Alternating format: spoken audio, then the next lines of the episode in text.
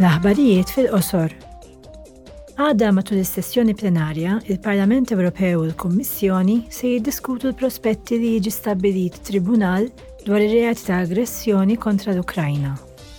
F'Mejju li għadda, il-membri tal-Parlament Ewropew diġà kienu appellaw lill-Unjoni Ewropea biex tieħu l-azzjoni meħtieġa fi proċedimenti internazzjonali u fil-qrati Huma appellaw sabiex l-Unjoni Ewropea tappoġġja l-prosekuzzjoni tar-reġim Russu u dak tal-Belarussja għal reati tal-gwerra, reati kontra l-umanità, ġenoċidju u aggressjoni.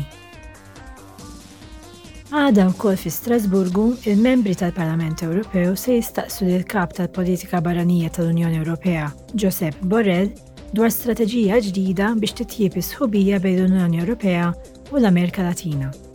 F'Ottubru li għadda, il-Ministri għal Affarijiet Barranin taż-żewġ reġjuni qablu dwar strateġija biex tiġi aġġornata relazzjoni bilaterali.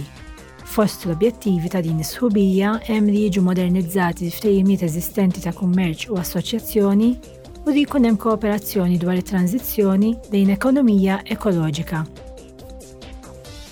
Jekk għandek bejn 16 u 30 sena u qed taħdem fuq proġett b'dimensjoni tal-Unjoni Ewropea, tista' tapplika għal Premju Karlu Manju għaż-Żgħażagħ tal-2023 u tirbaħ fondi biex tkompli tiżviluppa l-proġett tiegħek. Il-proġetti jridu jissodisfaw diversi kriterji. L-ewwel nett iridu jippromovu l-fehim fil-livell Ewropew u internazzjonali. Iridu wkoll irawmu l-iżvilupp ta' sens kondiviż ta' identità u integrazzjoni Ewropea.